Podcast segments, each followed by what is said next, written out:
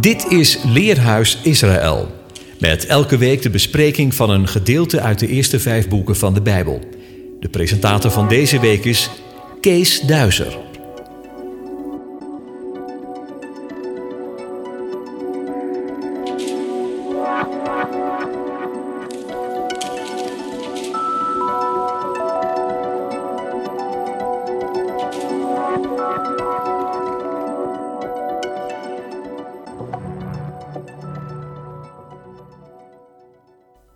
Shalom luisteraars, hartelijk welkom in deze nieuwe uitzending van Leerhuis Israël.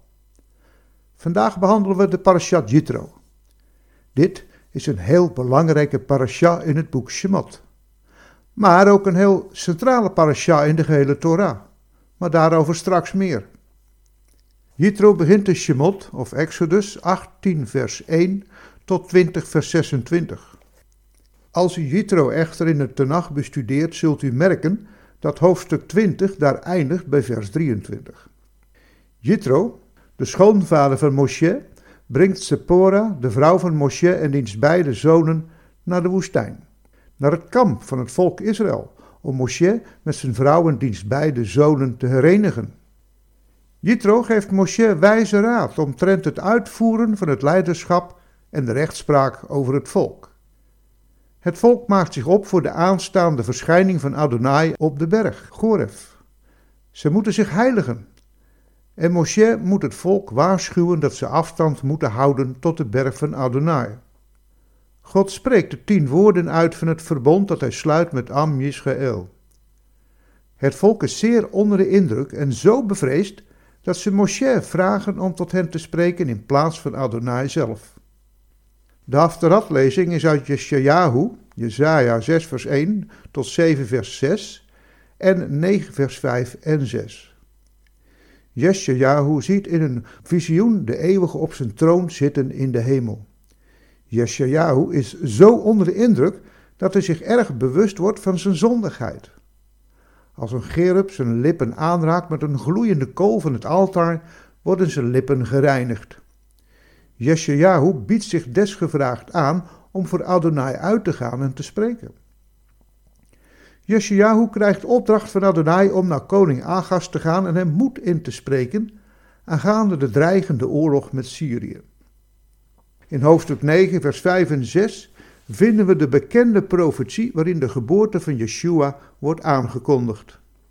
De lezing uit het Berit HaGadashah is uit het evangelie van Matthäus 5 vers 8 tot 20. In dit gedeelte van de bergreden lezen we hoe Yeshua de gelovigen vergelijkt met zout en licht. Laat uw licht zo schijnen voor de mensen, dat zij uw goede werken zien en uw Vader, die in de hemelen is, verheerlijken. Het thema van deze uitzending is de voortdurende openbaring van God aan de mensen. We doen dat in drie gedeelten. Deel 1 God openbaart zich aan Abraham. Deel 2. God openbaart zich aan zijn volk. En deel 3. God openbaart zich door zijn zoon. Maar eerst luisteren we naar muziek.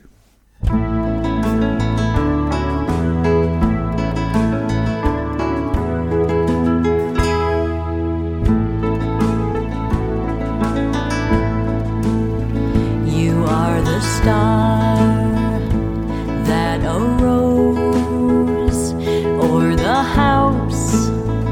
of Yaakov, your, your.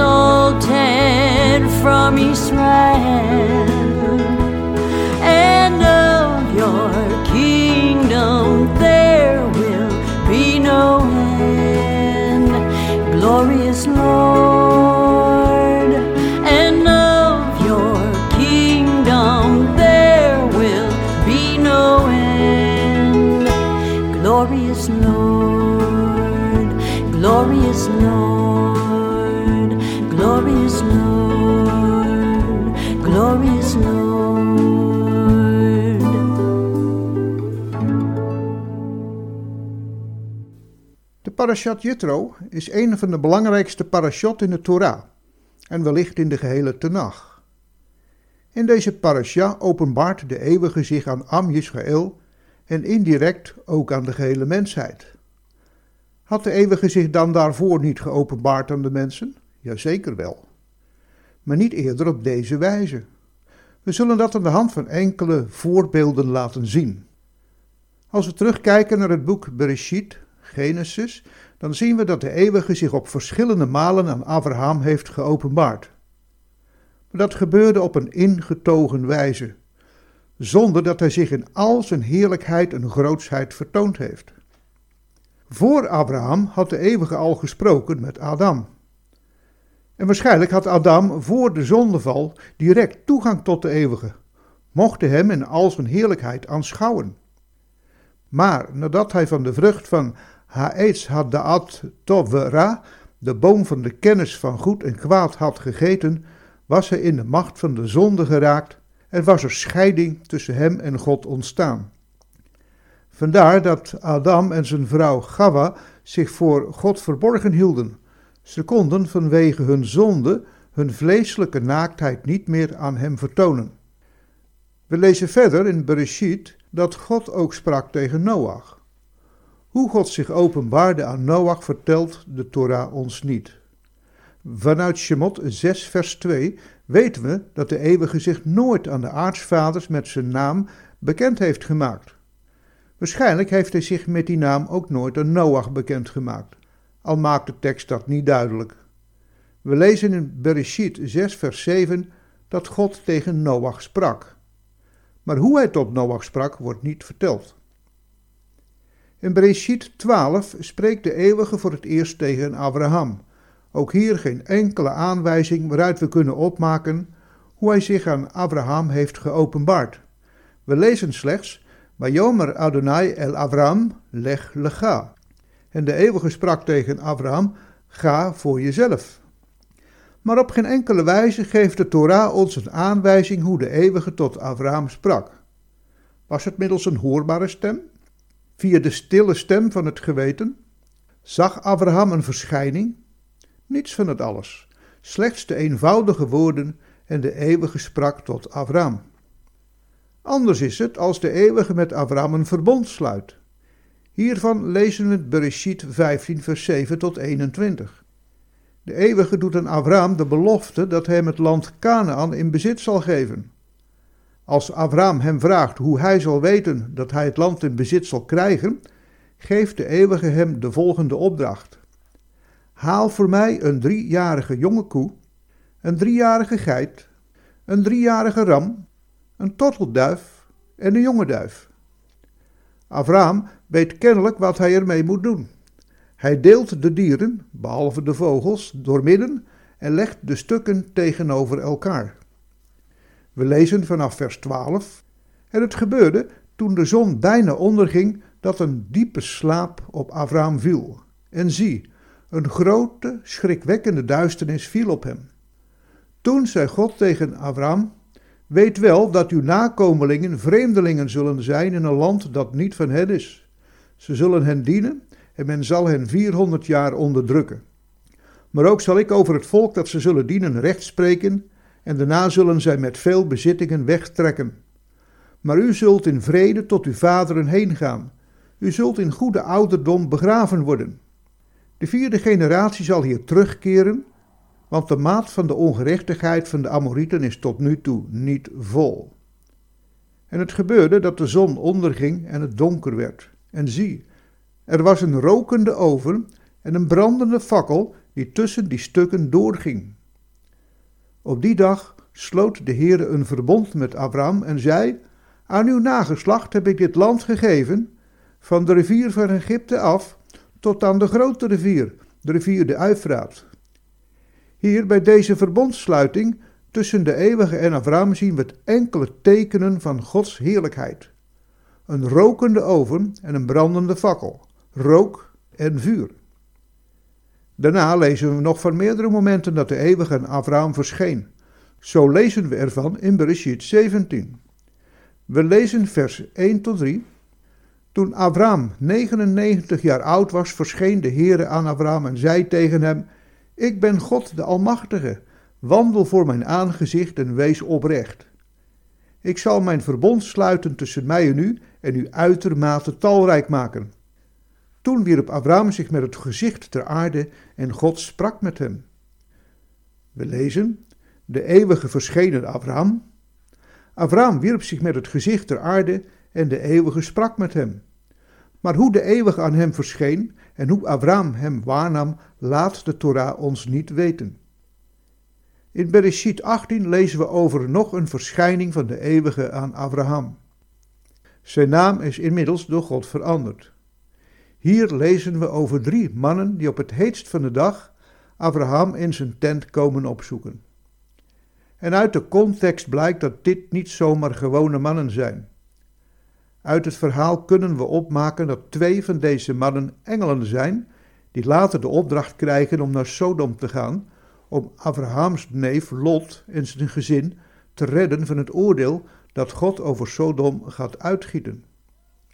Uit de context en met name uit vers 13, 17 en de hele onderhandeling tussen Abraham en de eeuwige over het mogelijke behoud van Sodom, kunnen we ook opmaken dat de derde man een verschijning van de eeuwige is in een mannelijke gedaante. De rabbijnen gaan in hun uitleg ervan uit dat de eeuwige verscheen in de gedaante van drie engelen. Maar één van hen manifesteert zich toch duidelijk in zijn spreken als de eeuwige zelf, als we in vers 13 lezen, en de eeuwige zei tegen Abraham. De Torah stelt een van de engelen toch voor als de eeuwige zelf. Veel uitleggers hebben dan ook aangenomen dat hier sprake is van een verschijning van de engel van Adonai, of om het echt op zijn Nederlands te zeggen, de engel des Heren.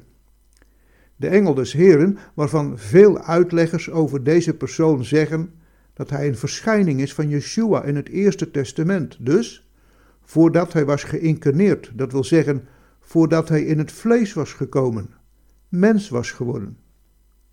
Op veel plaatsen in de Torah en in de Tenach komen we deze bijzondere engel tegen en steeds zien wij dat hij als een engel of als een hemelspersoon aan de mensen verschijnt, maar spreekt met goddelijke autoriteit, spreekt als de eeuwige zelf. Zo zien we de engel van Adonai optreden op de berg Moria, als Abraham het mes zwaait om zijn zoon Jitschak te offeren. We lezen Bereshit 22 vers 10 tot 12. Toen strekte Abraham zijn hand uit en nam het mes om zijn zoon te slachten. Maar de engel van de Heere riep tot hem vanuit de hemel en zei: Abraham, Abraham. Hij zei: Zie, hier ben ik. Toen zei hij: Steek uw hand niet uit naar de jongen en doe hem niets. Want nu weet ik dat u Godvrezend bent en uw zoon, uw enige mij, niet onthouden hebt. Hier is sprake van de engel van de Heere, die weliswaar vanuit de hemel tot Abraham roept, maar spreekt als Adonai zelf. Hij gebruikt de woorden ik en mij. Het is onmogelijk om in deze studie alle verschijningen aan de aartsvaders te bespreken. Dus laten wij naar de muziek verder gaan met de wijze waarop de eeuwige zich openbaarde aan Moshe en de profeten.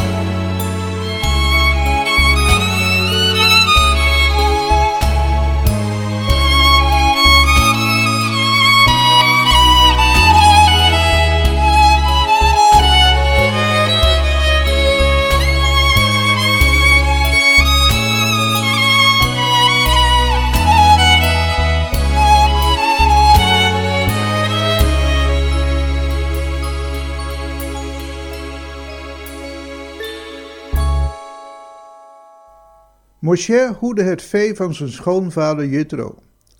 Op een dag dreef hij het vee verder dan de woestijn en kwam zo bij de berg van God, de Goref. Shimot 3 vers 11. We lezen verder. En de engel van de Heere verscheen hem in een vuurvlam uit het midden van een doornstruik. Hij keek toe en zie, de doornstruik brandde in het vuur, maar de doornstruik werd niet verteerd. Moshe zei: Laat ik nu naar dat indrukwekkende verschijnsel gaan kijken waarom de doornstruik niet verbrandt. Toen de Heere zag dat hij ging kijken, riep God tot hem uit het midden van de doornstruik en zei: Moshe, Moshe. Hij zei: Zie, hier ben ik. En hij zei: Kom hier niet dichterbij. Doe uw schoenen van uw voeten, want de plaats waarop u staat is heilige grond. Hij zei verder: Ik ben de God van uw vader de God van Abraham, de God van Jitschak en de God van Jacob. En Moshe bedekte zijn gezicht, want hij was bevreesd God aan te kijken. Hier zien we dus hoe de eeuwige aan Moshe verschijnt in een brandende, doch niet door het vuur verteerd wordende doornstruik. De tekst spreekt hier over de engel van de eeuwige, hier vertaald met het woord Heere. En in vers 4 wordt de Heere zelf genoemd, die zag dat Moshe naderbij kwam. Hier dus een sterk voorbeeld van de vereenzelviging van de engel van de Heere, van de eeuwige, met de eeuwige zelf. Hij verschijnt hier aan Moshe in vuur. En hier heeft hij voor het eerst zijn naam bekendgemaakt. Ehje, Asher, Ehje. Ik ben die ik ben. Heel indrukwekkend zijn de beschrijvingen van de eeuwige als hij het volk Israël begeleidt tijdens de uittocht uit Egypte. De eeuwige verschijnt als begeleider en als bewaarder van Am Yisrael in een vuurkolom en in een wolkkolom. Shemot 21.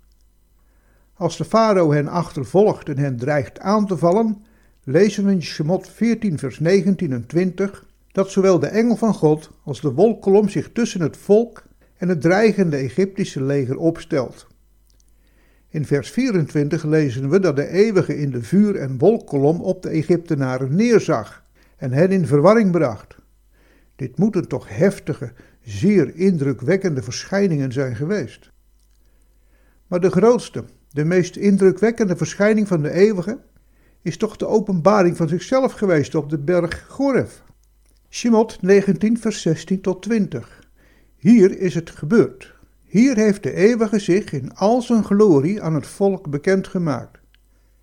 Hier verscheen de eeuwige God in een overweldigend machtige manifestatie van donderend geluid, bliksemflitsen en zware wolken, een hevig bevende berg, vergezeld van een overweldigend sterk bezuingeschal. Het was zo overweldigend dat al het volk beefde in hun kamp. Moshe leidde het volk uit het kamp naar de berg en stelde het daarop. De berg was in rook gehuld, omdat de eeuwige daarop in vuur neerdaalde. Het bezuinigeschal werd nog sterker en sterker. Moshe sprak en de eeuwige antwoordde hem met een stem. En tijdens deze overweldigende gebeurtenis, waarbij het volk beefde van angst en ontzag voor deze manifestatie van Gods heerlijkheid, sprak hij tot hen de woorden van het verbond. Het volk was zo onder de indruk van zijn verschijning en zijn spreken, dat ze sidderden en op een afstand bleven staan. Hoor wat ze zeiden tegen Moshe in Shemot 20 vers 19. Ze zeiden tegen Moshe, spreekt u met ons, dan zullen wij luisteren, maar laat God niet met ons spreken, anders sterven wij. Doodsbang waren zij geworden van het spreken van God. Maar Moshe stelt hen gerust.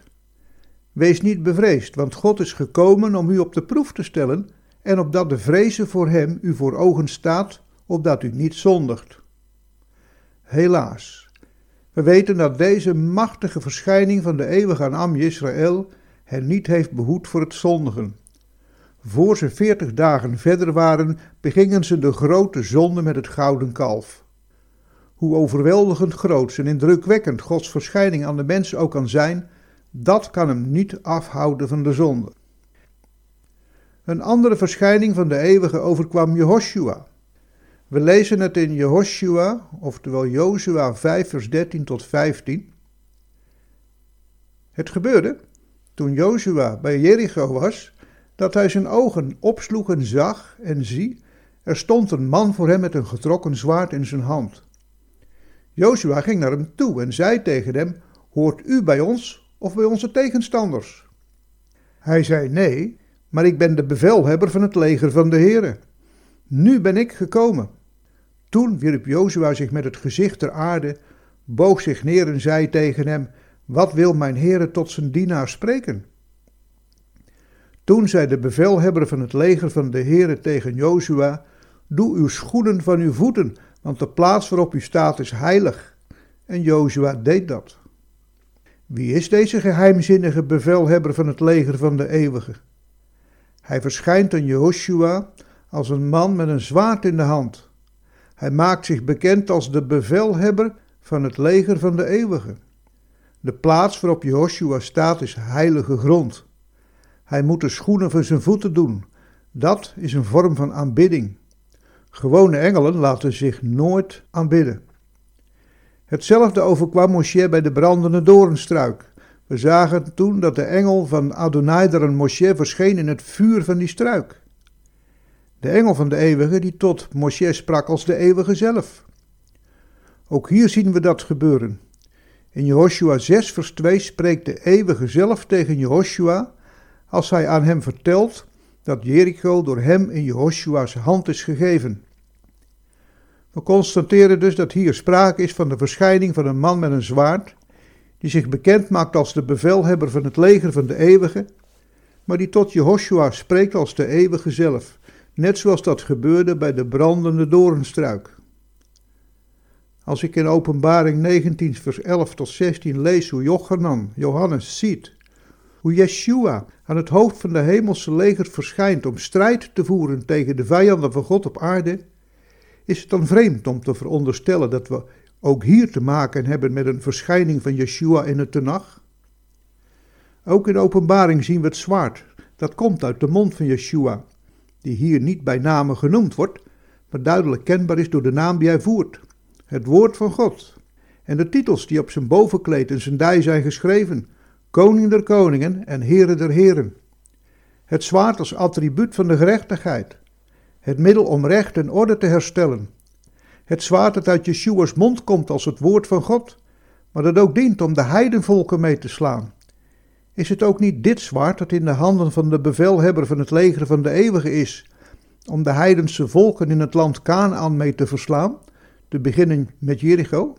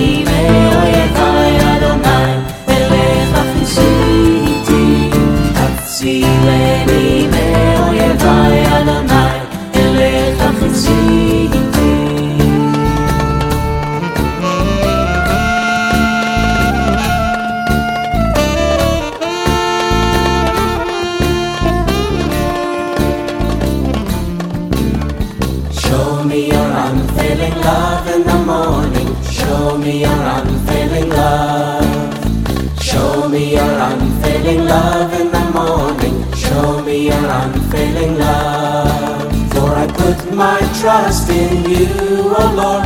I put my trust in you. For I put my trust in you, oh Lord. I put my trust in you. For I put my trust in you, oh Lord. I put my trust in you. For I put my trust in you, oh Lord. I put my trust in you. Touch me.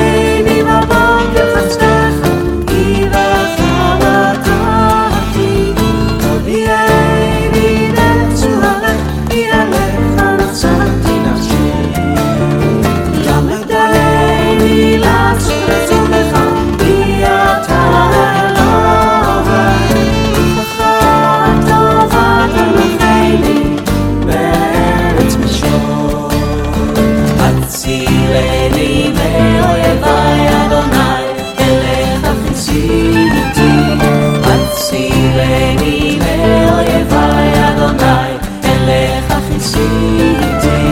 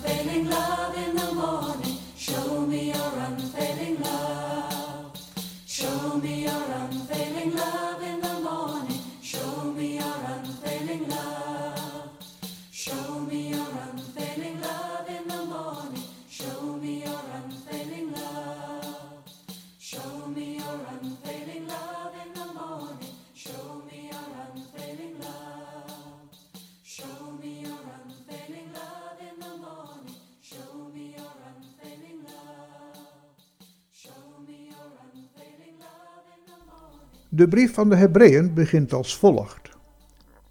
Nadat God voorheen vele malen en op vele wijzen tot de vaderen gesproken had door de profeten, heeft Hij in deze laatste dagen tot ons gesproken door de Zoon. En zo is het gebeurd. Yeshua is het woord van God. Jochanan maakt ons dat heel duidelijk in het eerste hoofdstuk van zijn evangelie.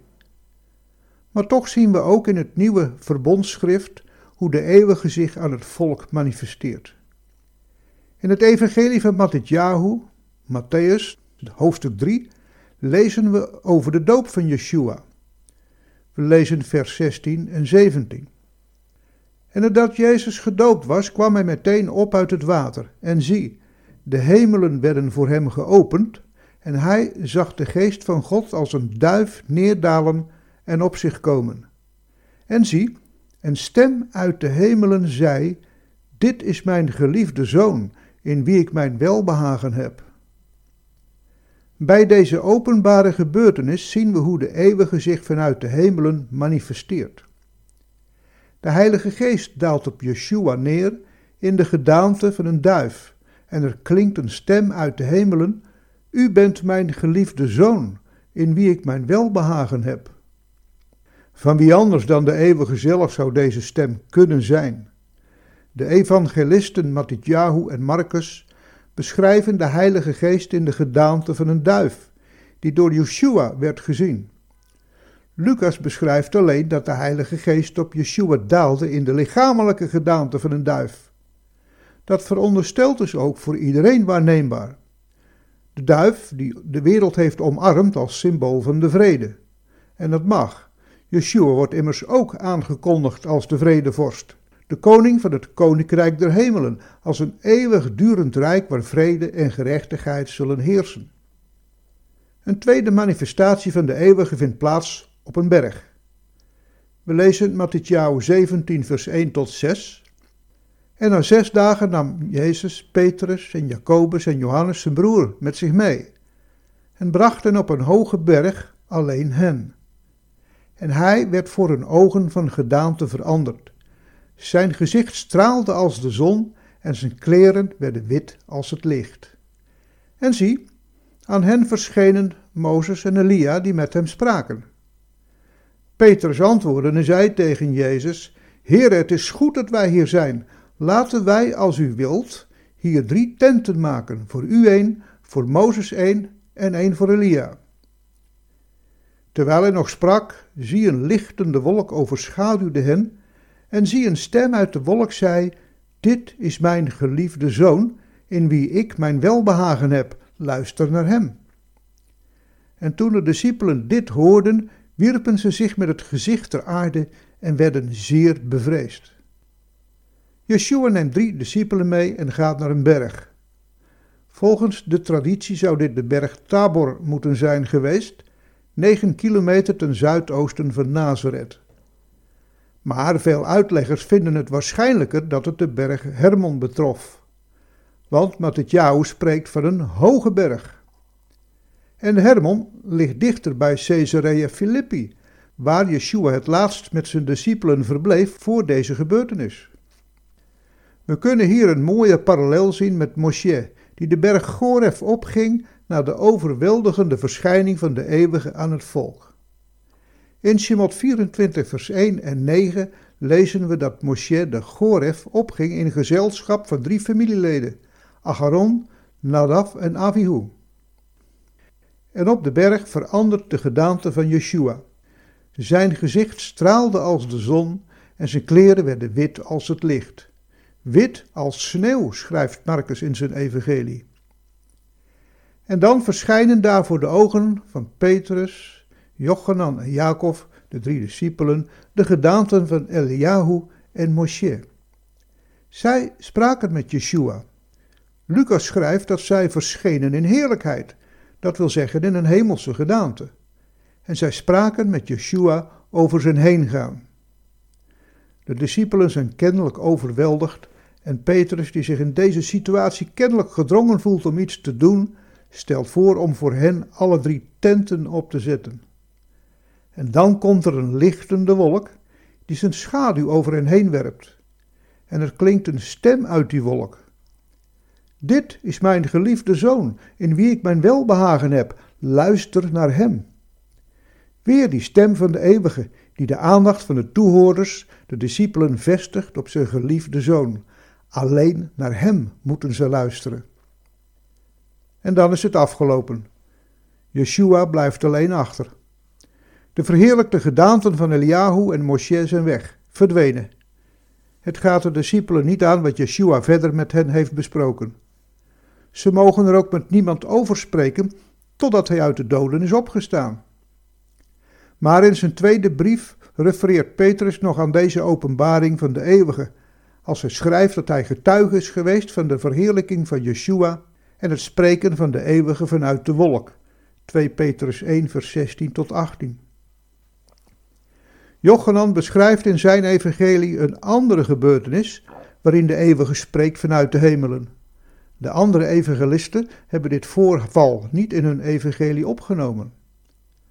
Anderzijds heeft Jochanan geen melding gemaakt van de verheerlijking op de berg. In de beschrijving van Jochanan is Yeshua zojuist Jeruzalem binnengegaan, zittend op een ezelsveulen. Als koning is hij binnengehaald door de menigte die in Jeruzalem aanwezig was om het komende Pesach te vieren. Kennelijk bevond Yeshua zich op het tempelcomplex, waarschijnlijk in de voorhof der heidenen. Dit valt op te maken uit het feit dat Filippus was benaderd door enkele Grieken die Yeshua wilden ontmoeten. Dat het Grieken waren, dat wil zeggen niet Joden, valt op te maken uit de tekst die hier spreekt van Hellenes en niet van Hellenistai, waarmee Grieksprekenden werden bedoeld, zoals in Handelingen 6 vers 1. Doorgaans Joden die Grieks spraken en in de Griekse samenleving waren opgegroeid. Filippus en Andreas leggen de vraag van de Grieken aan Yeshua voor. We lezen Jochanan 12, vers 23 tot 30. Maar Jezus antwoordde hun: Het uur is gekomen dat de zoon des mensen verheerlijkt zal worden. Voorwaar, voorwaar, ik zeg u: als de tarwekorrel niet in de aarde valt en sterft, blijft hij alleen. Maar als hij sterft, draagt hij veel vrucht. Wie zijn leven lief heeft, zal het verliezen. En wie zijn leven haat in deze wereld, zal het behouden tot het eeuwige leven. Als iemand mij dient, laat hij mij volgen. En waar ik ben, daar zal ook mijn dienaar zijn. En als iemand mij dient, zal de Vader hem eren. Nu is mijn ziel in beroering, en wat zal ik zeggen? Vader, verlos mij uit dit uur. Maar hierom ben ik in het uur gekomen. Vader, verheerlijk uw naam. Er kwam dan een stem uit de hemel, en ik heb hem verheerlijkt, en ik zal hem opnieuw verheerlijken. De menigte dan die daar stond en dit hoorde, zei dat er een donderslag geweest was. Anderen zeiden, een engel heeft tot hem gesproken. Jezus antwoordde en zei, niet voor mij is deze stem er geweest, maar voor u. Yeshua staat midden op het tempelplein. Een menigte mensen omringt hem. Hij antwoordt Filippus en Andreas, maar hij spreekt duidelijk tot de menigte. Hij spreekt over zijn sterven. Binnenkort gaat dat gebeuren. Het valt hem zwaar.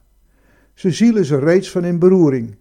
Hij vraagt zelfs aan de Vader of die hem eruit wil verlossen. Maar dan geeft hij zich over aan de wil van de Vader en zegt: Maar daarom ben ik in dit uur gekomen. Vader, verheerlijk uw naam. Hij vraagt aan de eeuwige of deze zijn naam wil verheerlijken, en dan gebeurt het. Opnieuw spreekt de eeuwige hoorbaar voor iedereen uit de hemelen. En ik heb hem verheerlijkt, en ik zal hem opnieuw verheerlijken. Het is de bevestiging van de eeuwige zelf.